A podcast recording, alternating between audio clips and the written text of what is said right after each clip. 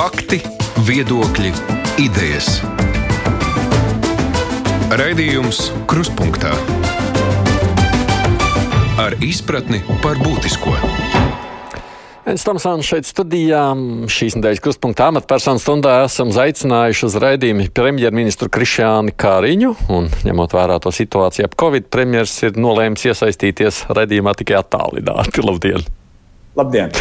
Drošāk iespēja robežos kaut kur neiet, nevis iet klātienē, vai ne? Man liekas, tas visiem mums arī tāds zināms signāls no valdības. Mēs aicinām tos, kuri var strādāt attālināti izmantot šo izdevību. Daudzi nevar, bet tie, kuri var, un Es ceru, ka šāda intervija attālināti darbosies tikpat labi kā klāt. Jā, nu mēs jau esam diezgan pieraduši pie šīm intervijām. Lielākoties viss pat vasaras laikā esam arī to turpinājuši. Nu, protams, arī pieaugušās šīs slimības dēļ valdībai nāks strādāt saspringtāk nekā parasti, kas nozīmē, ka mums noteikti daudz ko jautāt. Arī ir šī tā reize, kad stundas garumā premjera var izaicināt žurnālistu un arī klausītāji. Mums ir pieslēgušies arī Delfu žurnālists Sanita Uplējs. Sveika! Tu? Sveicināts. Un Matīs Arnicāns, Latvijas televīzijas raidījums de facto. Sveiks, Matīs! Sveiki. Klausītājiem, kā parasti, mums telefona numuri ir tie paši 6722, 888, un 672, 559, un es atgādinu, tas attiecas uz radio tiešraidi, kas ir pēc pulksten vieniem, jo pēc tam jau vēlāk televīzija un radio raidījuma atkārtojumā nav jēgas zvanīt, mēs nevarēsim nekādus to reaģēt. Nu, un arī gaidāt mm, jūsu vēstulītes uz adresi vai nu krustpunkta at Latvijas radio vai, vai mājaslapā sūtiet mums savus jautājumus, nu, ko nu paspējuši, tas laiks jau mums ir ļoti ierobežots. Droši vien tā ievadā par to Covid visu lietu, tā skatoties uz visu to statistiku un valdības lemto, tas nozīmē, ka tā cerība uz cilvēku vēlmi labprātīgi ievērot tos drošības pasākumus, lai nebūtu jāievieš tie stingrie pasākumi, kas nu, arī jau vakar parādījās. Neizdodas, jeb neattaisnojās. Bez tā obligātā mēs nevaram iztikt, ja Kariņkungs. Nu, es gribētu varbūt sākt tā īsi trīs lietas pateikt. Pirmais ir konstatēt faktu, ka mūsu valsts šobrīd piedzīvo gan ievērojumu otro Covid-19 vilni, kas faktiski ir lielāks nekā tas, kas mums bija pavasarī. Tātad, kas ir mūsu visas sabiedrības mērķis? Tas nav tikai valdības, tas ir sabiedrības mērķis, ir darīt visu, lai šo vilni, vilni samazinātu, lai viņu apturētu. Kā mēs to varam darīt? Ļoti idejiski, elementāri mums ir jāpārauj transmisijas ķēde, ka viens cilvēks otram nevarētu nodot. Un tas veids ir tāda kombinācija, ko eksperti piedāvā, valdība ir arī apstiprinājusi. Ievērojami divu metru distanci, turpinām mazgāt rokas un iekštelpās valkājam sejas maskas. Šajā kombinācijā, ievērojot distanci un maska, valkāt maskas, Tas ir maksimums, ko mēs varam darīt, vēl neapturot ekonomiku, lai šo transmisijas vilni apturētu. Tātad mēs gribam, lai ekonomika turpina strādāt, lai bērni varētu turpināt savas klātienes mācības, lai uzņēmumi, ražojošie eh, veikali visi būtu atvērti un darbotos. Diemžēl nav vakcīnas, nav zāles pret šo vīrusu. Tātad mums ir jāpietās, varētu teikt, ar sentālu metodēm. Mums ir drusku jāizvairās no tiem, kuri ir slimi. Bet, jo mēs nezinām, kurš kurā brīdī ir saslims, tas ir šī vīrusu viltība. Viņš var ilgstoši būt cilvēkā vispār bez simptomiem, vai varbūt ilgāk laika pirms simptomu parādīšanās jau lipīgs. Tātad mums ir jāpietās viens ar otru it kā ar potenciālu slimnieku, turamies drusku nost mazgājam savas rokas, nu, kur mēs esam pieskārušies, lai tas nenāk klāt mūsu sejai, un valkājam iekštelpās šīs maskas. Elementāra rīcība, tie nav ierobežojumi, tie ir drošības pasākumi. Kāpēc? Jo nav zāles pēc šīs slimības, kā mēs zinām, var arī būt letāla. Bet nu, mūsu kolēģi apstaigāja, jūs zināt, nu labi, pirmā diena vēl tikai, bet nu, arī jau sabiedriskā transportā pietiekoši daudz tomēr to nedara. Nu, tas ir tāds labprātības jautājums. Eh, šobrīd viņš ir labprātības jautājums. Es pats uh, ikdienā ar divriteni joprojām uh, braucu un te pa Rīgas centru. Uh, nu, nākās braukt daudziem autobusiem, trolejbusiem garām. Nu, uz acis izskatās, ka pamatā gandrīz visi, kur es esmu skatījies, valkājos, es arī, arī lasīju, ka bija nu, tāda, tāda akcija, kontrolējot, kad vairums cilvēki to dara. Bet šeit ir vēlreiz bez sabiedrības līdzdalības mēs neuzvarēsim šo vīrusu. Ja mums būs jāievieš tur stingrāki nu, teiksim, sodi, tas tagad nu, arī tiek strādāts pie tā. Mēs vēl tādus lēmumus neesam pieņēmuši, bet, ja būs jāķerās klāt pie sodīšanas, tā lai visi panāk, nu, tad negribīgi es arī to atbalstīšu. Mēs šobrīd izējam uz to, ka mūsu sabiedrība ir kopumā ļoti saprātīga. Paldies visiem, kas valkā maskas, paldies visiem, kas ievēro divus metrus, paldies visiem, kas domā līdzi. Pavasarī ar kopdarbību mēs nospiedām pirmo vilni, tagad ar kopdarbību es esmu pārliecināts, ka varēsim nospiest otro vilni. Mm. Kolēģi! Man ir jautājums, ja tagad ir pieņemts vakardienas lēmums, faktiski ir jānēsā maskas no visiem cilvēkiem. Tas nozīmē kaut vai teiksim, tā arī pensionāriem, kas nebrauc pa sabiedrisko transportu, kas iet uz veikalu pastu. Un e, nu, tās maskas daudzreiz lietojamās kaut ko maksā. Un 14. maijā valdības sēdē bija tāds e, nu, lēmums, ka 400 tūkstošu masku valsts iepirks, un šodien ir Delkots arī raksts par to, ka tas nav izdevies, nav izdarīts. Nu, tagad ir tas brīdis, vai jūs kā premjerministrs kaut ko darīsiet, vai jūs mudināsiet, e, lai tomēr palīdzētu cilvēkiem? Jā, paldies. Tātad tiešām tas, kas tika vasaras sākumā konkurss izsludināts, neviens ražotājs nebija gatavs pildīt eh, esošās prasības. Eh, paldies Dievam, eh, starplaikā ražojumi un tirgus pieejamība kopumā ir.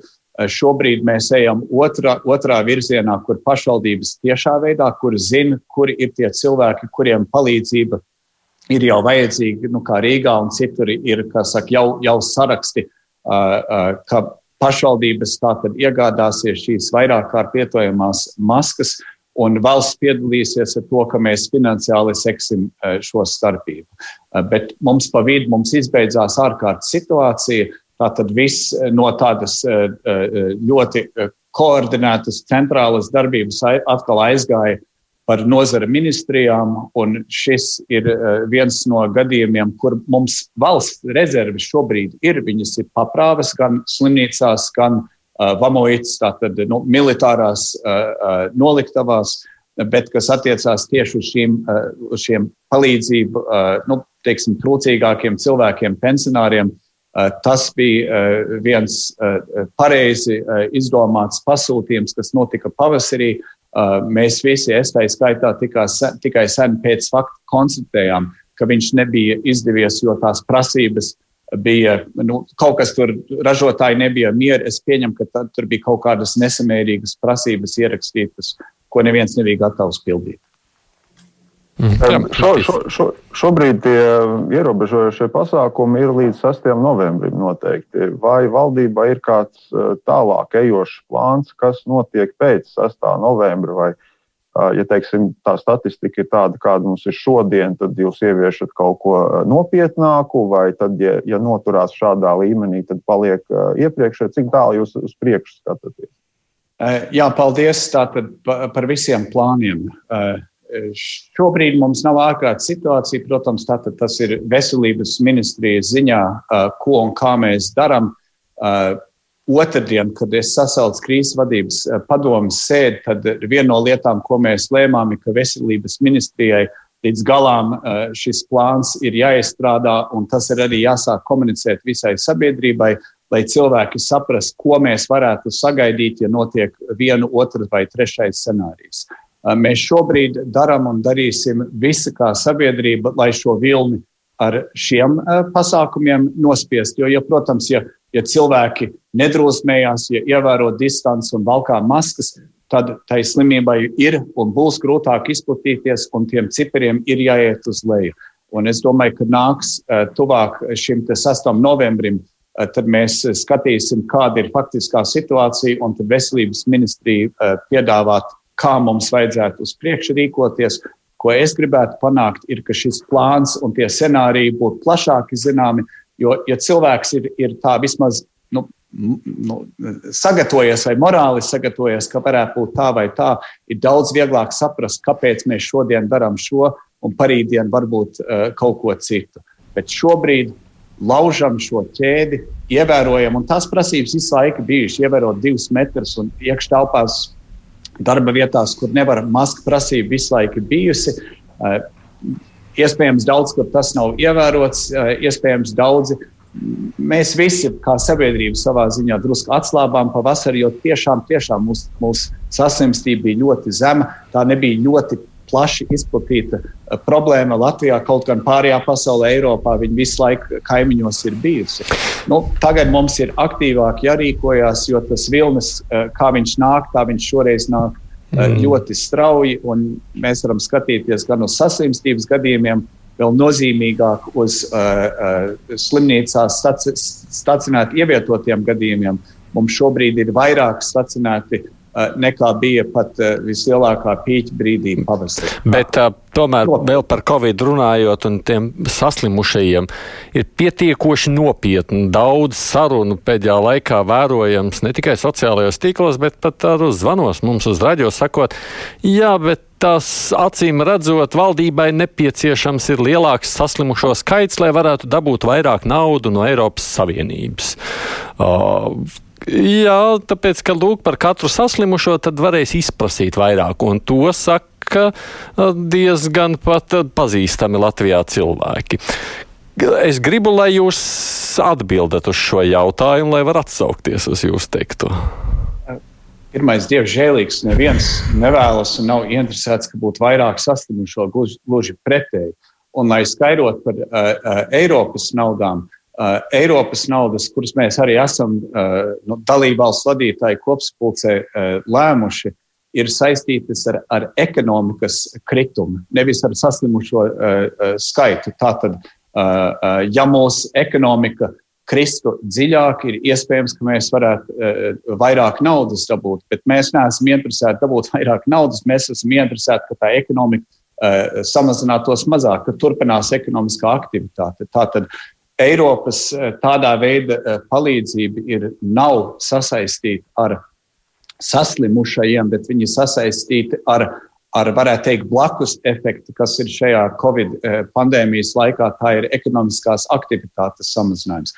Paldies Dievam šobrīd, vismaz līdz, nu, līdz vakardienas datiem, kas man ir, mums turpinās samazināties bezdarbs. Tātad bezdarbs bija pieaudzis pie 9%, viņš ir tagad pie 7,6%. Man te tieši uz blakus ekrāna, kā es esmu tagad radis strādāt, visi dati man ikdienā ir, un tad es viņus skatos. Tātad mēs esam lejā pie 7,6%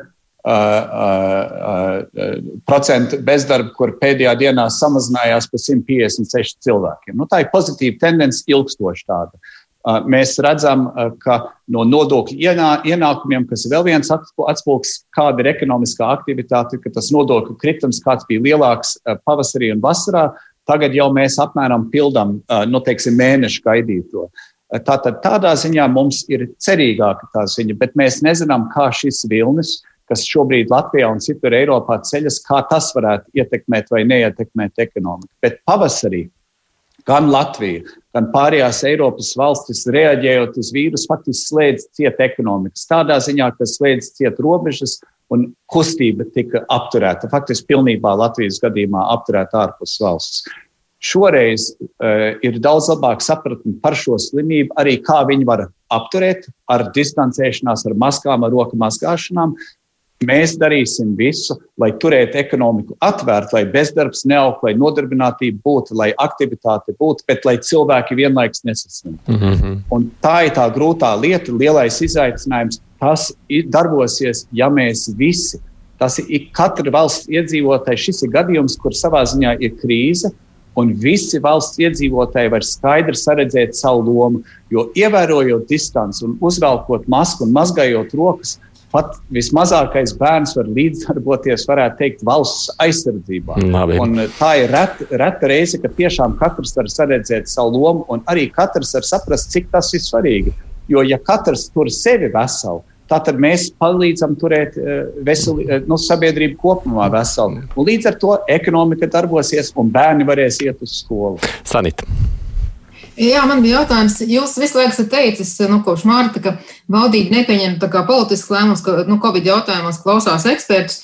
Un tad bija tas tracis ar Rīgas maratonu atcelšanu, un, un tagad pirmdienā koalī, pēc koalīcijas padomu sēdes atklājās, ka jūs kolēģi teica, ka ir kopumā trīs gadījumi. Maratons ir trešais gadījums, ir trīs gadījumi, kad valdība lēmusi pat stingrāk nekā eksperti ieteikuši. Un tad tie divi iepriekšējie bija martā par divu cilvēku maksimums pulcēšanos un vasarā par termiņu uzturēšanās atļaujām.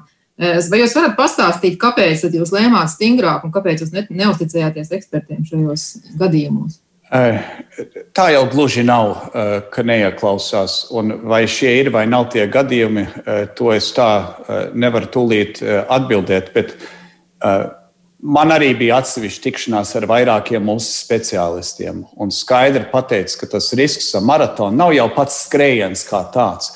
Bet ir tas, ka tas sapulcināt 15,000 cilvēkus Rīgas centrā, kur pēc tā notikuma aiziet eh, liela daļa no viņiem uz, uz sabiedriskiem, nu, teiksim, uz ēdināšanām un tā tālāk. Un tas, tas, tas pulcēšanās risks ir faktiski gana nozīmīgs. Ne pats skrējiens, tas, kas skrien brīvā dabā, eh, tam es domāju, no šīs slimības ir ļoti grūti saslimt. Bet eh, tas, tas ir risks. Un, nebija sākotnēji no veselības ministrijas Uh, uh, nu, vispār nebija ne šis, ne tas rakstīts par to. Valdībā uh, tika celts jautājums, ja mēs tagad sašaurinām pulcēšanās ārā uz tūkstošu cilvēkiem, tas taču ir nekonsekventi ar tādu maratonu rīkošanu. Tātad es uzskatu, ka pilnīgi pretēji, kā saka, mēs tieši ieklausījāmies ekspertu ieteikumos. Eksperti teica, ka nevar vairāk par tūkstošu cilvēkiem. Nu, tas bija piekdiena. Nu, šis uh, pasākums būtu pulcējis krietni vairāk par tūkstošu cilvēkiem. Un atkal tas risks nav tas pats skrējiens, kā nu, būt ārā brīvā dabā, mežā, skrienot, staigājot, braucot ar divriteni. Tas ir ieteicams, tas ir veselīgi, bet sapulcināt daudz cilvēku vienlaikus Tas ir jau tas risks, jo šis vīrus meklē cilvēku tuvumu. Viņš mīl tur, kur daudzi cilvēki ir kopā, jo viņš tam var brīvi lēkāt no viena uz otru un izplatīties. Mūsu mērķis ir apturēt šo vīrusu un darīt visu, lai viņam būtu grūti. Mm -hmm. Tātad es uzskatu, ka mēs tiešām līdz šim esam diezgan rūpīgi sekojuši, ko eksperti saka. Mēs taču arī lasām, ko eh, teiksim, mūsu paši eksperti jau pamatā paļaujas uz starptautiskiem pētījumiem. Jo Latvijā, paldies Dievam, mums tā saslimstība bijusi tik zema. Mums jau nav tik daudz to datu, lai veiktu pašiem savus pētījumus, balstoties tikai uz Latvijas gadījumiem. Bet mums ir Āzija, citi pārējās Eiropas valstis, Ziemeļamerika, Dienvidamerika, Āfrika. Ir ļoti daudz, kas pētīts un ir apzināts, ka, lai cīnītos ar šo vīrusu, Galvenais ir ierobežot cilvēku pulcēšanos, un tā tad arī ierobežot cilvēku kontaktu.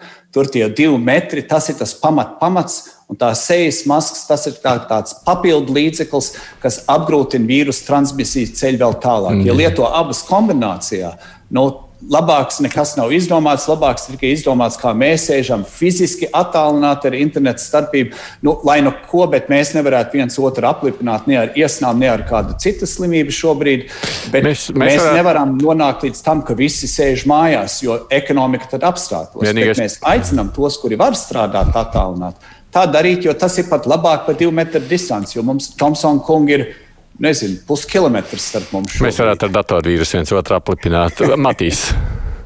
Izņemot uh, atsevišķu nozares, uh, ekonomika kopumā šobrīd nav aizvērta cieta, bet, uh, ja gadījumā valdībai nāksies lemt par kādu palīdzību atsevišķiem uzņēmumiem vai nozarēm, jautājums, kā tā palīdzība turpmāk varētu izskatīties. Jo uh, Jo tas, tas, ko pavasaris parādīja, piemēram, fiskālās disciplīnas padome secināja, ka ļoti liels, liela daļa no šīs krīzes palīdzības aizgāja lieliem valstī piedarošiem uzņēmumiem. Ir, ir citos avotos secināts, ka salīdzinot ar starp Baltijas valstīm, piemēram, tādos tie, tieša palīdzība, lai iedzīvotāju ienākumu līmeņi nekristos. Latvija ir salīdzinoši mazāk tērējusi tā vietā.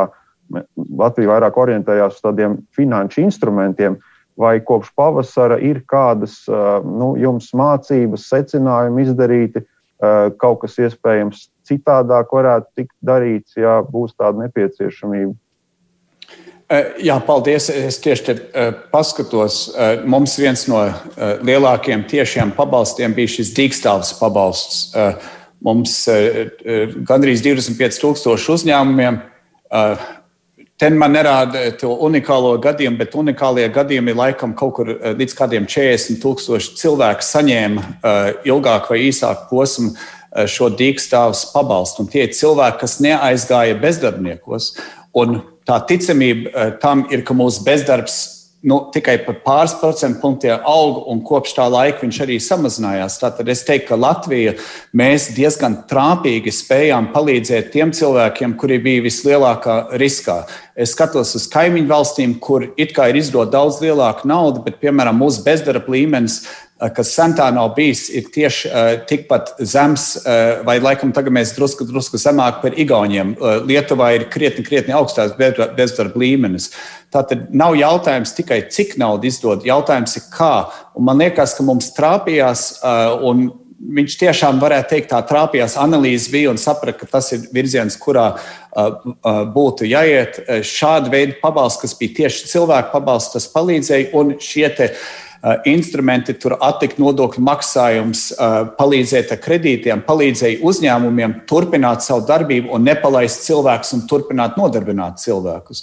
Tātad mums ir tāda kombinācija palīdzēt individiem un palīdzēt uzņēmumiem. Viņš kopumā bija diezgan veiksmīgs pavasarī.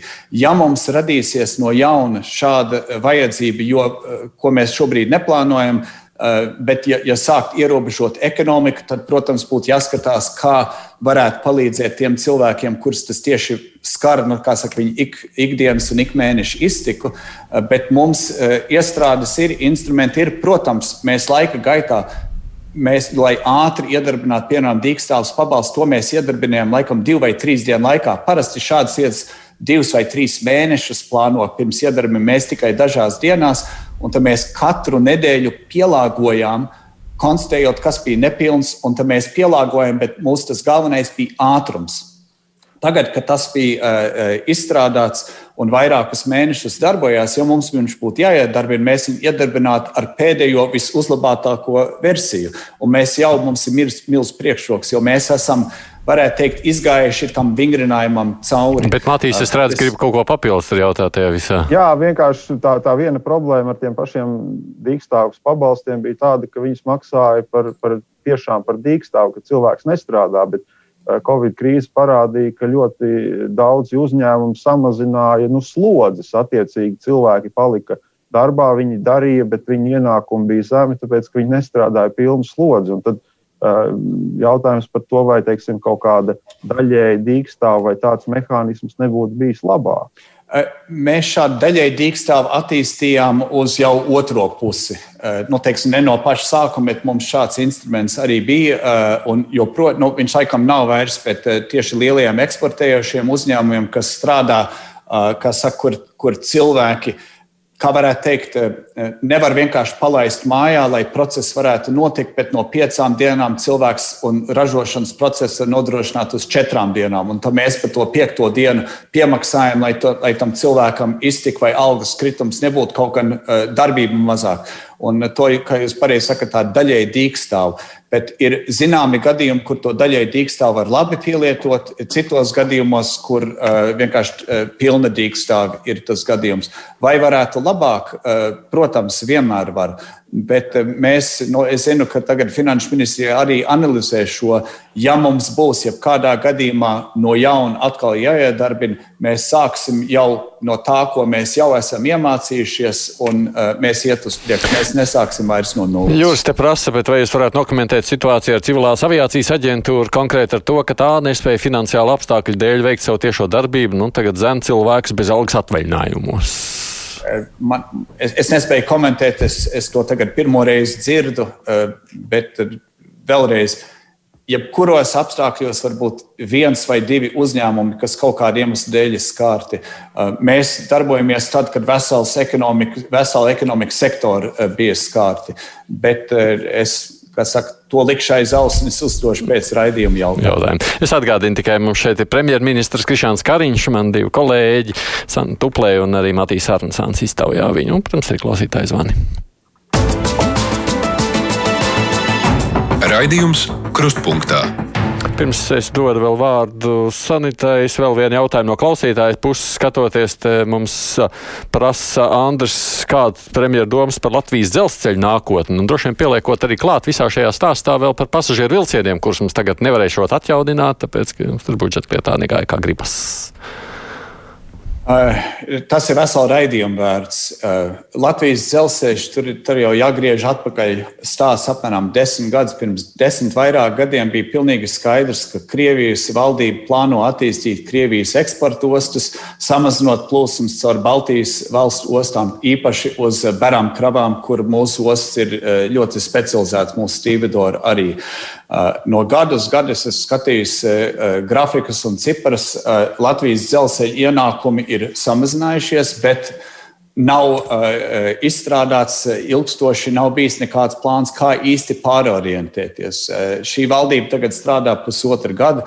Mūsu ministrs faktiski diezgan agri arī nāca pie manis, nāca uz valdību ar plānu, ka dzelzceļa to īpatsvaru no 75% kravu 25% uz pasažieriem. Faktiski tas būtu jāatgriež otrādi, kā tas ir visā pārējā Eiropā, ka mēs vairāk dzelzceļu noslogojam ar pasažieru pārvadājumiem.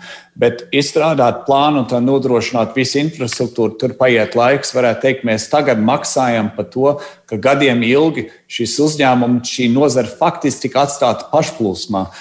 Nu, tie, kas konkrēti strādā uzņēmumā, teiksim, tie darbinieki paši nav pie vainas, bet, manuprāt, tas ir vadības nu, nepilnība tā ir bijusi. Kā mēs to atrisināsim, kādā laika posmā, tas būs ilgstošs laika posms, tur būs vajadzīgs diezgan nopietnas investīcijas. Tagad par, par šiem pasažieru, par tiem pašiem vilcieniem, tur es tā saprotu, ka ministrija bija iecerējusi nomainīt tur, uh, tos vilcējus, tos dīzeļvilcienus ar, ar jauniem dīzeļvilcieniem, izmantot Eiropas naudas. Bet vai nu mūsu ierēdniecība kļūdījās, neskatot, vai Eiropas komisijas ierēdniecība kļūdījās, bet kāds atvēra lapu un skatīja, ka mēs grasāmies nopirkt jaunus dīzeļvilcienus pēc Eiropas sarakstiem ar klimata mērķiem, kas Eiropā ir vissvarīgi. Dīzeļvilciens par Eiropas naudu tu nenopirksi, un tagad mums ir jāatgriežas pie tā. Protams, ir jāatrod risinājums. Eh, bet es pats brīnos, eh, kā varētu teikt, kurš bija tas gudrnieks, kas iedomājās, ka to varētu teikt, apmānījis Eiropas komisiju. Man tas nāk kā dziļš pārsteigums, kā vispār varēja ieplānot šādu lietu. Bet, kā varētu teikt, es nedodarbojos šobrīd ar vainīgo meklējumiem. Es ar, esmu arī runājis ar satiksmes ministru. Nu, tas ir kaut kādā veidā jāatrisina, ka mēs viņus iegādājamies. Labi, Sanita. Jā, man pirms tam bija piezīme, bet tur jau premjerministrs neko neskaidros, ka tomēr jums, nu, acīm redzot, veselības ministrija ir kaut kādas atšķirīgas viedokļi par to pašu, starp ekspertiem, veselības ministrija par to pašu maratonu. Bet pārējot varbūt pie budžeta, jo vakardien valdībā viena lieta, kas aizgāja ļoti E, tā ātri un, un gludi bija budžets. Un, un šodien iesniegts jau ir jau saimā, bet e, tas, kas arī izskanēja no Finanšu ministrijas pārstāvs, ka budžets ir gatavots, e, tās jaunākās prognozes makroekonomiskās ir jūnijā, un ka otrais vilnis Covid nav īsti ierēķināts vēl. Nu, vai jūs jau paturat prātā, nu, redzot to, kas notiek šobrīd Latvijā un Eiropā, ka, ka būs tomēr jāmaina? Divi komentāri. Viens par to, ka aizgāja gludi aizgāja gludi, tas ir apmēram tāpatās, kā cilvēks aiziet uz, uz kādām sporta sacīkstēm un paskatās, ka viens tur ieskrienās un aizlec 7,5, 8 metrus. Oh, viņš izskatījās tā kā stirniņš, tik viegli. Protams, tur ir gadiem ilgi treniņu režīms un tā tālāk, kas neredzams. Ar budžeta procesu mēs no astoņus mēnešus esam intensīvi strādājuši. Uh, varētu teikt, izdiskutējuši, lai neteikt, izstrīdējušies savā starpā, un ar to kopīgo tagad visi uh, lielā vienprātībā virzas priekš, jo tas jau ir tas kompromiss variants. Tātad tas ātrums ministra kabinetā ir atspūgs tam, ka tika ieguldīts ļoti liels laiks pirms ministra kabineta. Uh, tagad par, uh, par prognozēm un tā tālāk. Prognozes, kā mēs zinām, visu laiku mainās. Un, lai iesniegtu budžetu Uh, saimai un to pašu budžetu Eiropas komisijai apstiprināšanai, jo mēs esam Eirozona valsts un uz mums tāpat tās kā uz Vāciju, uz Itāliju attiecās tie paši noteikumi. Mums līdz uh, oktobra vidum jāiesniedz uh, budžets. tika nofotografēts prognozes, kā izskatās ekonomika. Es jums to datumu no, no galvas nenosaukšu, bet tās prognozes ir tādas nu, vienas dienas, tā, tā brīža fotografija. Protams, kopš tā laika var būt svārstības uz augšu un uz leju, bet mums nekas labāks nevar būt kā viena piefiksēta prognoze. Tagad, kā teiksim, pozitīvais ir tas, ka kad pirms laikam divām nedēļām vai trim Latvijas banka nāca ar ziņojumu, ka izskatās, ka mūsu ekonomikas kritums 2020. gadā šogad būs mazāks nekā sākotnēji plānots. Sākotnēji domāja, ka ekonomika kritīsies ap 7%, eh, tad lēsa, ka tas kritums varētu būt tuvāk pie 5%. Eh, tas ir ļoti iepriecinoši, bet tagad mēs skatāmies Covid vilnas ceļās, kā tas ietekmēs teiksim, Latvijas eksportētājus. Mēs vēl nezinām, bet tas varētu nozīmēt, ka vēl pēc mēneša atkal prognozes vēlreiz mainīsies. Tātad es nesapriecājos pārāk daudz, kad es eh, lasu ka prognozes ir pozitīvākas. Es arī nenoskumstu tūlīt, ja, ja izskatās, ka pesimistiskāks, jo ir zināma dinamika, ļoti daudzi faktori. Bet valsts budžets tiek plānots uz trim gadiem, ka mēs sākam to procesu, nofotografēju. Šī, šī ir ekonomikas tendences tā, tajā brīdī, tur Finanšu ministrija un Latvijas banka un, un eh, laikam arī cik fiskālā disciplīnas padomu iesaistīti, tur nekas eh, radikāli neatšķīrās viena no otra, un tad uz tās bāzes mēs uzbūvējam visu budžetu. Protams, es ceru uz labāku izpildu, tas dot uh, valdībai uh, nu, lielākas iespējas vēl kaut ko pozitīvu izdarīt. Bet mm -hmm. uh, es šobrīd neturu elpu uz to, ka tur būs lielas atšķirības, jo tagad atkal sākās jaunais nezināmais, kā dzīvē tas parasti ir. Atkal jauni apstākļi, Covid vilnu celšanās. Šobrīd neizskatās, ka tam vajadzētu ekonomiku ietekmēt. Mūsu plāni ir turēt ekonomiku atvērtu. Uh, nu, mums ir saka, jā, jāpild tas plāns. Mums ir svarīgi, ka mēs katrs darām savu lomu, lai nebūtu jāslēdz darbvietas ciet, lai skolas nebūtu jāslēdz ciet, jo tur ir problēmas ne tikai bērnu ar izglītības kvalitāti, varētu teikt, nevienlīdzība. Vienam ir labāka apstākļi mājās, kluss stūrītis, savs dators, kur strādāt, otram varbūt nav tik laba apstākļi, vai nav pat tā datora, tikai telefons vai kas tāds. Tātad nevienlīdzība izglītībā un, protams, apgrūtinājums ģimenēm, jo, ja ir mazi bērni, tad labi iespējams, ka vienam vai otram strādājošam vecākam būs jāsēž mājās. Tad atkal zaudēti ienākumi un zaudēta produktivitāte. Nu, mēs atkal pie Covid esam atgriezušies. Matīs, tev vēl ir par budžetu kaut kas jautājums? Jā, par budžetu es gribēju saprast, kas īsti ar to veco auto nodokli notika, jo to formāli virzīja satiksmes ministrija, tad izskatījās, ka satiksmes ministra partijas biedri jau paši sāka tam iebilst. Jūs jau pirms nedēļas teicāt, ka tas mērķis ir šim nodoklim, lai, lai Latvija nekļūtu par vecu auto izgāstu, bet nu, budžetā nav gala rezultātā. E, jā, nu, šis ir varbūt klasisks piemērs, kur nelīdz galam ir izdomāts vai izstrādāts, definēts, kas ir mērķis un kas ir līdzekļi. Ja tas mērķis, un es tā biju sapratis, ka mērķis ir apturēt to, ka Latvija tiešām kļūst par veco automašīnu, nu, tādu izgāstu vai, vai, vai kapsētu, vai kā to pareizi teikt, ka tad ievieš šo importu nodokli, lai samazinātu šo plūsmu. Bet, kā izrādās, nebija mehānisms padomāts, kas tad būtu stimulējošais. Nu, saprotam, būtu lietas nodokli uz importu, un tu to nodokli iekasēto naudu izmanto stimulam. Nu, dot cilvēkiem naudu, vai, lai palietinātu automašīnu, kas ir mazāk piesārņojoša. Bet eh, šajā gadījumā liekas, ka kas ministrijā bija domāts, ir paņemt nodokli, kas it kā ir pret piesārņojumu, un izmantot to nodokli, lai nopirktu, es atvainojos, piesārņojošu vilcienu. Nu, tas, tas, tas nav līdz galam izdomāts. Tagad ir uzdots satiksmes ministrijai kopā ar varam ministriju, tātad vidas ministriju un finanšu ministriju izstrādāt mehānismu, kas kalpo tam sākotnējam mērķim, apturēt potenciāli lielu pieplūdumu ar vecām piesārņojošām mašīnām, bet iestrādāt iekšā atbalsta mehānismu, kur avots būtu tas pats nodoklis, eh, lai to varētu atrisināt. Tātad šis nav domāts, kā mēs daudzi nesaprotam, mēs sakām, tas nav fiskāls nodoklis, respektīvi tas, nav, tas nebija domāts. Manuprāt, tas nevarētu būt nodoklis, kas palielina kopējo budžetu, bet tas būtu nodoklis, kas aptur viendarbību un to naudu izmantot, lai stimulētu pretējo darbību. Mm. Mums ir pāris klausītāji, kas kādu laiku jau gaida pie klausulas. Uzklausīsim. Jā, lūdzu. Uh, labdien! Labdien! Man sauc Aleksandrs. Uh, gribēju uzdot jautājumu Karim kungam. Pirmkārt, paldies viņam par valdības vadīšanu. Bet jautājums ir attiecībā par to, ka teiksim, ierobežot skaitu tagad tiksies apmeklēt uz baznīcā dievkalpojumu 30 cilvēki. Ja? Bet tajā pašā momentā mums pirms svētdienās uz lielveikaliem aiziet vairāk kā pa 30 cilvēkiem. Kāpēc uz lielveikalu tirdzniecības centriem šis ierobežojums neatieksies? Mm -hmm. Manis gan baznīcās jau nebija ierobežots cilvēku skaits, vai Jā. es kļūdos?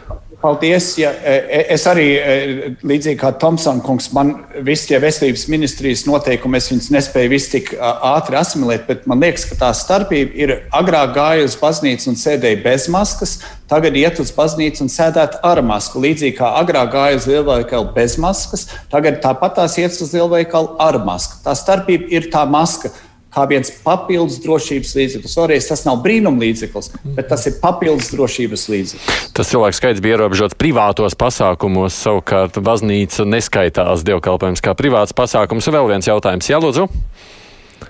Halo! Vai jūs man dzirdat? Nē, es nevaru tehniski pacelt klausuli. Man nokārās. Kolēģi, jautājiet. Nodokļiem vēl ir. Nu, es, protams, sekoju līdzi budžeta procesam, un es zinu, ka viņš bija garš. Un par nodokļiem. Jūs esat arī partijas vadītājs, un jaunai vienotībai nāks uzklausīt no partneriem, ka jūs neesat pietiekami sociāli atbildīgi un tam līdzīgi. Un es gribu jautāt, kā jūs pats jutāties un kā jūs izskaidrojat to, ka, piemēram, Finanšu ministrija, ko vada jūsu partijas biedrs, nāk klajā ar tādām nu, ievērojamām nodokļu izmaiņām, nu, plānotām ar ieteikumiem. Tas bija par tām obligātajām sociālajām iemaksām un autoratlīdzībām. Un jūs pēc tam koalīcijā dabūjat, kā, nu, es teiktu, tā vienkārši izstrēt atsaukt un tad mainīt to datumu uz 1. jūliju. Nu, kā jūs to procesu varbūt varat paskaidrot un raksturot? Kāpēc tā? Nu, tad pie šī procesa droši vien vainojums esmu es pats. Uh, mans mērķis bija, ka mēs varētu izdebatēt un saimā pieņemt uh, iespējamās nodokļu maiņas līdz uh, 1. jūlijam, nu, līdz Jāņiem. Uh, tad būtu pusgads līdz janvārim, ka visi varētu saprast, pielāgoties, un tad pusgadu vēlāk stātos spēkā.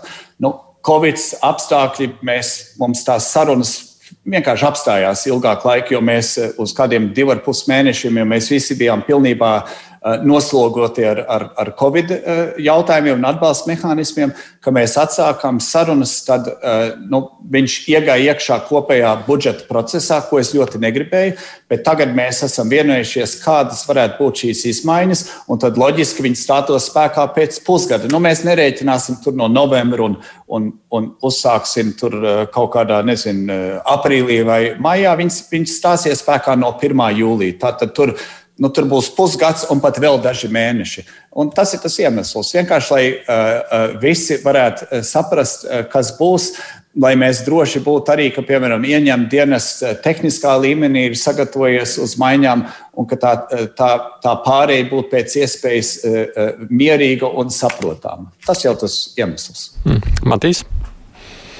Ehm, jūs eh, nesen eh, izteicāties par to, kā bankas eh, uzvedās pēc tā sauktā kapitālā remonta, un pēc tam arī citas ehm, finanšu sektora pāraugošās amatpersonas arī ar, ar diezgan līdzīgiem secinājumiem nāca ehm, klajā, ka bankas iespējams ir iebraukušas otrā grāvī, ka nevis mēģina tos riskus kaut kā vadīt, bet no tiem riskiem attiecīgi no, no klientiem pavisam atteikties. Un, uh, Un zinot to, cik um, tiešām uzstājīgi politiķi vēl līdz šī gada sākumam uh, virzīja šo, šo kapitālo remontu, vai tiešām jūs uzskatāt, ka šobrīd bankas ir vainojamas pie tā, ka tā situācija tāda ir, vai, vai arī politiķi tomēr, nu, nezinu, varbūt pārcentušies vai kādu citu iemeslu dēļ tagad ieslēdz atpakaļgāju?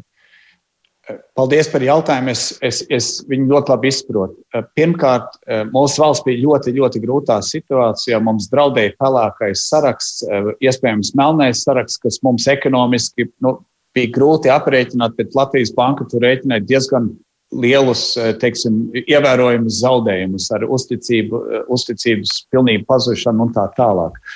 Mēs no tā izvairījāmies, un ne tikai tā, bet mēs esam saņēmuši vēlreiz apstiprināts līdz šim vēsturē mūsu labākais kredīta reitings. Man šodien finanšu ministrs deva ziņu, ka nu pat tās valsts kas pārdodot valsts parādzīmes uz sešiem gadiem ir piedāvāja, ir nopirkti un pat pārpieprasīts, vai pieprasījums lielāk nekā piedāvājums ar negatīvām likmēm. Tas nozīmē, ka pēc sešiem gadiem mēs atmaksāsim mazāk nekā mēs būsim aizņēmušies. Tas ir ļoti pozitīvi, un tas ir tas kopīgais nopelns, kas tam darbam bija.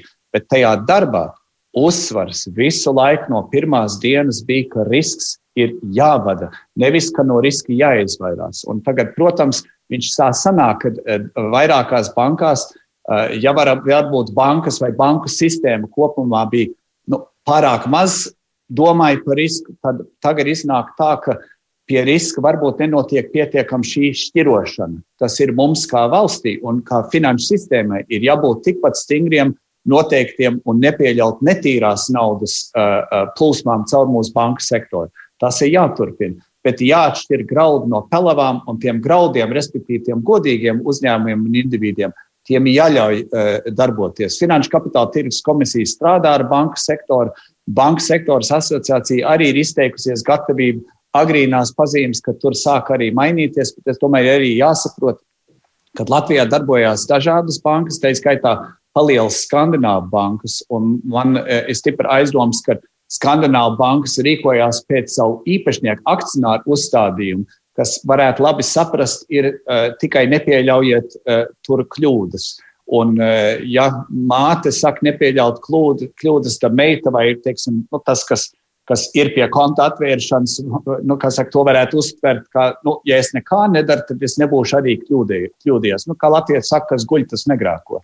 Eh, un tā ir tā grūtā lieta, kas ir jāiemācās mūsu banka sektoram un vispār tajā domāšanā. Risku var un vajag vadīt, un tas uzsvers ir uz risku vadīšanu. Tātad Latvija mēs būsim tikpat stingri un nepieļausim netīrās naudas, Bet tagad Finanšu kapitāla tirgus komisija kopā ar banku sektoru strādā pie algoritmiem, kādā veidā banka varētu mm, uh, pozitīvi strādāt ar godīgiem klientiem, bet nebūtu riskā, ka, piemēram, Finanšu kapitāla tirgus komisija viņus sodītu par kaut kādu uh, nu, teiksim, nesistēmisku trūkumu.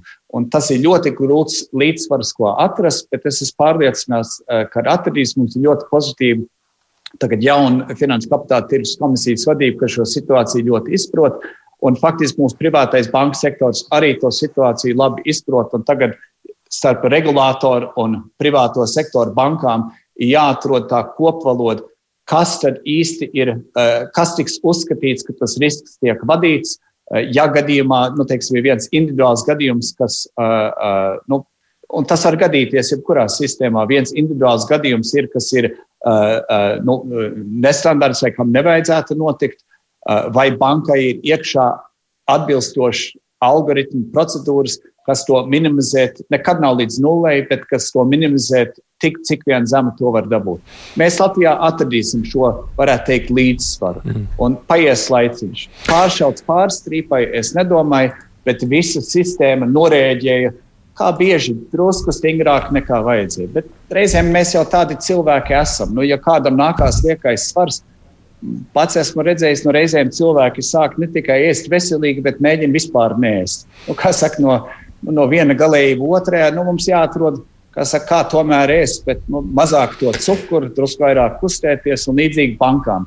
Vadīt risku, bet eh, tas ir iespējams, eh, un mēs ne tikai iemācīsimies, kā labi Uh, neļaut nelegālās naudas, kur mēs šobrīd esam faktiski ļoti attīstīti, bet arī, protams, kā uh, uh, vadot risku, ļaut godīgai uzņēmēji darbībai attīstīties, jo bez tā mums jau investīcijas nenāk iekšā. Tāpēc tas ir ļoti svarīgi, ka mēs to koriģējam. Par citu tematiku runājot, Jūras savukārt prasa, ko Kariņa kungs domā par augstskolu likumu reformu, ieviešot augstskolu padomus, bez tām paredzētu stabilu finansējumu un laupot augstskolu darbiniekiem, kas ir pasniedzie profesora zinātnieku un administrāciju jebkādu teikšanu par pašu augstskolas lietām?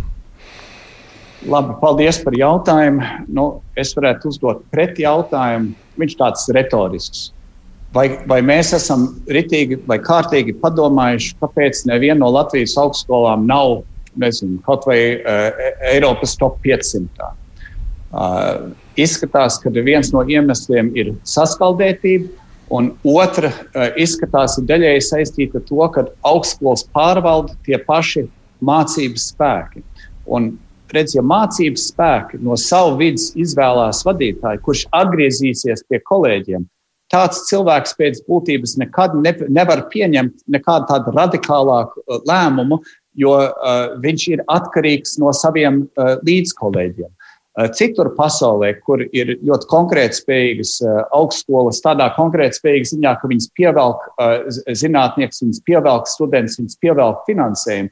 Tur parasti to tādu administratīvo vadību atdala no akadēmiskās vadības. Akadēmiskai vadībai jābūt brīvai pētīt un darīt, kā viņiem liekas pareizi, bet administratīvā vadībai viņai jāspēj pieņemt arī, varētu teikt, tādi nu, ar tautsēmniecību saistītie lēmumi. Un tas mērķis ir šos te atdalīt, nevis aplaupīt kādu, bet padarīt mūsu sistēmu konkurētspējīgāku, lai mūsu studentiem būtu labāka vide, lai mūsu zinātnē būtu labāka vide, un gal beigās, lai mūsu ekonomika kļūtu konkurētspējīgāka bez maiņām, bez reformām tas nav iespējams. Mēs varam turpināt vēlreiz 30 gadus tāpat, un tad varētu būt pat vēl sliktāka situācija. Mm -hmm. mēs, mēs ierosinām to mainīt.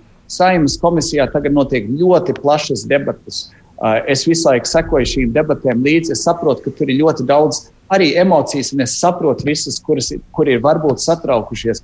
Bet, ja man jāizvēlās, es izvēlos likt primāri un centrā mūsu studentu kā mūsu students varētu iegūt vislabāko izglītību. Vislabāko izglītību viņš iegūst pie profesora, kurš ir vienlaikus pētnieks. Nevis pie pasniedzēja un pētnieks ir kāds cits. Tas mums jāsaved kopā iestādē, kas tiek profesionāli vadīta, eh, administratīvi, eh, kas ir atdalīts no akadēmiskās vadības. Tas ir mans redzējums, un tas ir tas, kā valdība iet un saimnes komisijā tagad strādā pie detaļām. Ir emocijas, bet man liekas, tas, ko zvanītājs vai tas, kas ierakstīja jautājumu, Tas ir nu, drusku nu, emocionāli. Viedoklis esat pateicis. Vēl kolēģiem ir jautājums, mums vēl 5 minūtes ir laiks. Jā, Sanita. Man ir jautājums, gan kungam, nu, šajā laikā, protams, cilvēki ģimenēs arī runā ar bērniem un, un, un nu, spriež par to, kā izdzīvot šo laiku, kas zināmā mērā nu, tas Covid dēļ ir tāda nu, sajūta, kas ir kā varbūt karā vai kā. E, man ir, jā, bet jums, protams, ir īpaša atbildība, jums ir īpašs darbs, citādāk varbūt nekā parastiem cilvēkiem. Tad man ir tāds jautājums, vai kā jūs, kā jūs iedvesmojaties, vai, vai jūs lasāt kādu lielu valsts īru memoārus, vai jūs tikai klausāties rejošajā zevā? Jūs par mani suni. ja viņš toreiz palika istabā, es viņu nebiju manījis, un tad viņš ārā gribēja tikt, vai kāda dzirdēja ārpus logs, nezinu.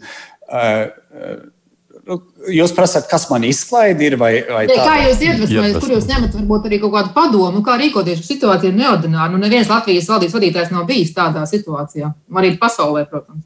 Uh, varētu teikt, tādu no pie padomu.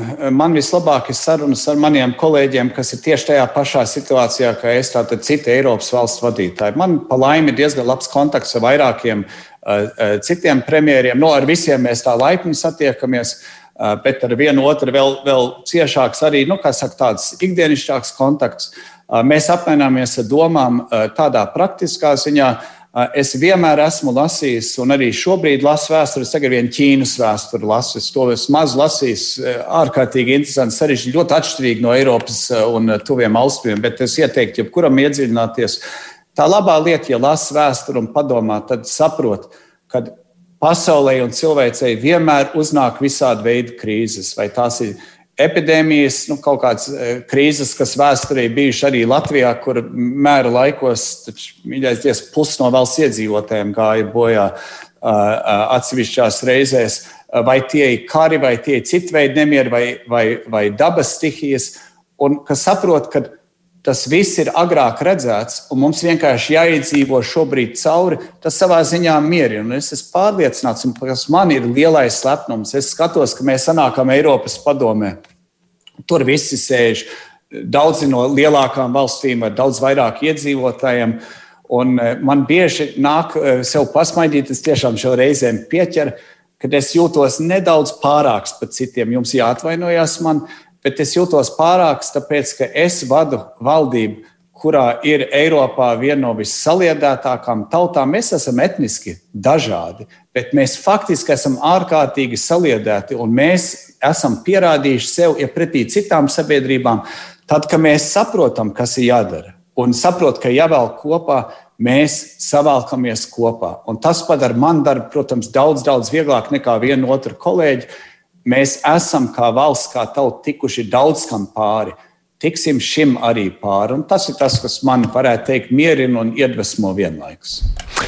Mēs neuzsāksim vairs jaunu tematiku. Ir jau arī, protams, kā parasti kādi cilvēki, kas vienkārši grib izteikt paldies jums par to, ko jūs darāt, un sakot, lai jums viss tālāk labi izdodas. Arī tādus novēlējumus no kādiem klausītājiem es varu jums nodot. Es saku paldies, ka pievienojāties šai mūsu sarunai. Katrs no savas vietas, kur nu esat attālināti strādājot, ministra prezidents Krišāns Kariņš un divi mani kolēģi Sanita Uplē no portāla Delfi un Matīs Arnicāns no Latvijas televīzijas raidījuma de facto. Paldies jums!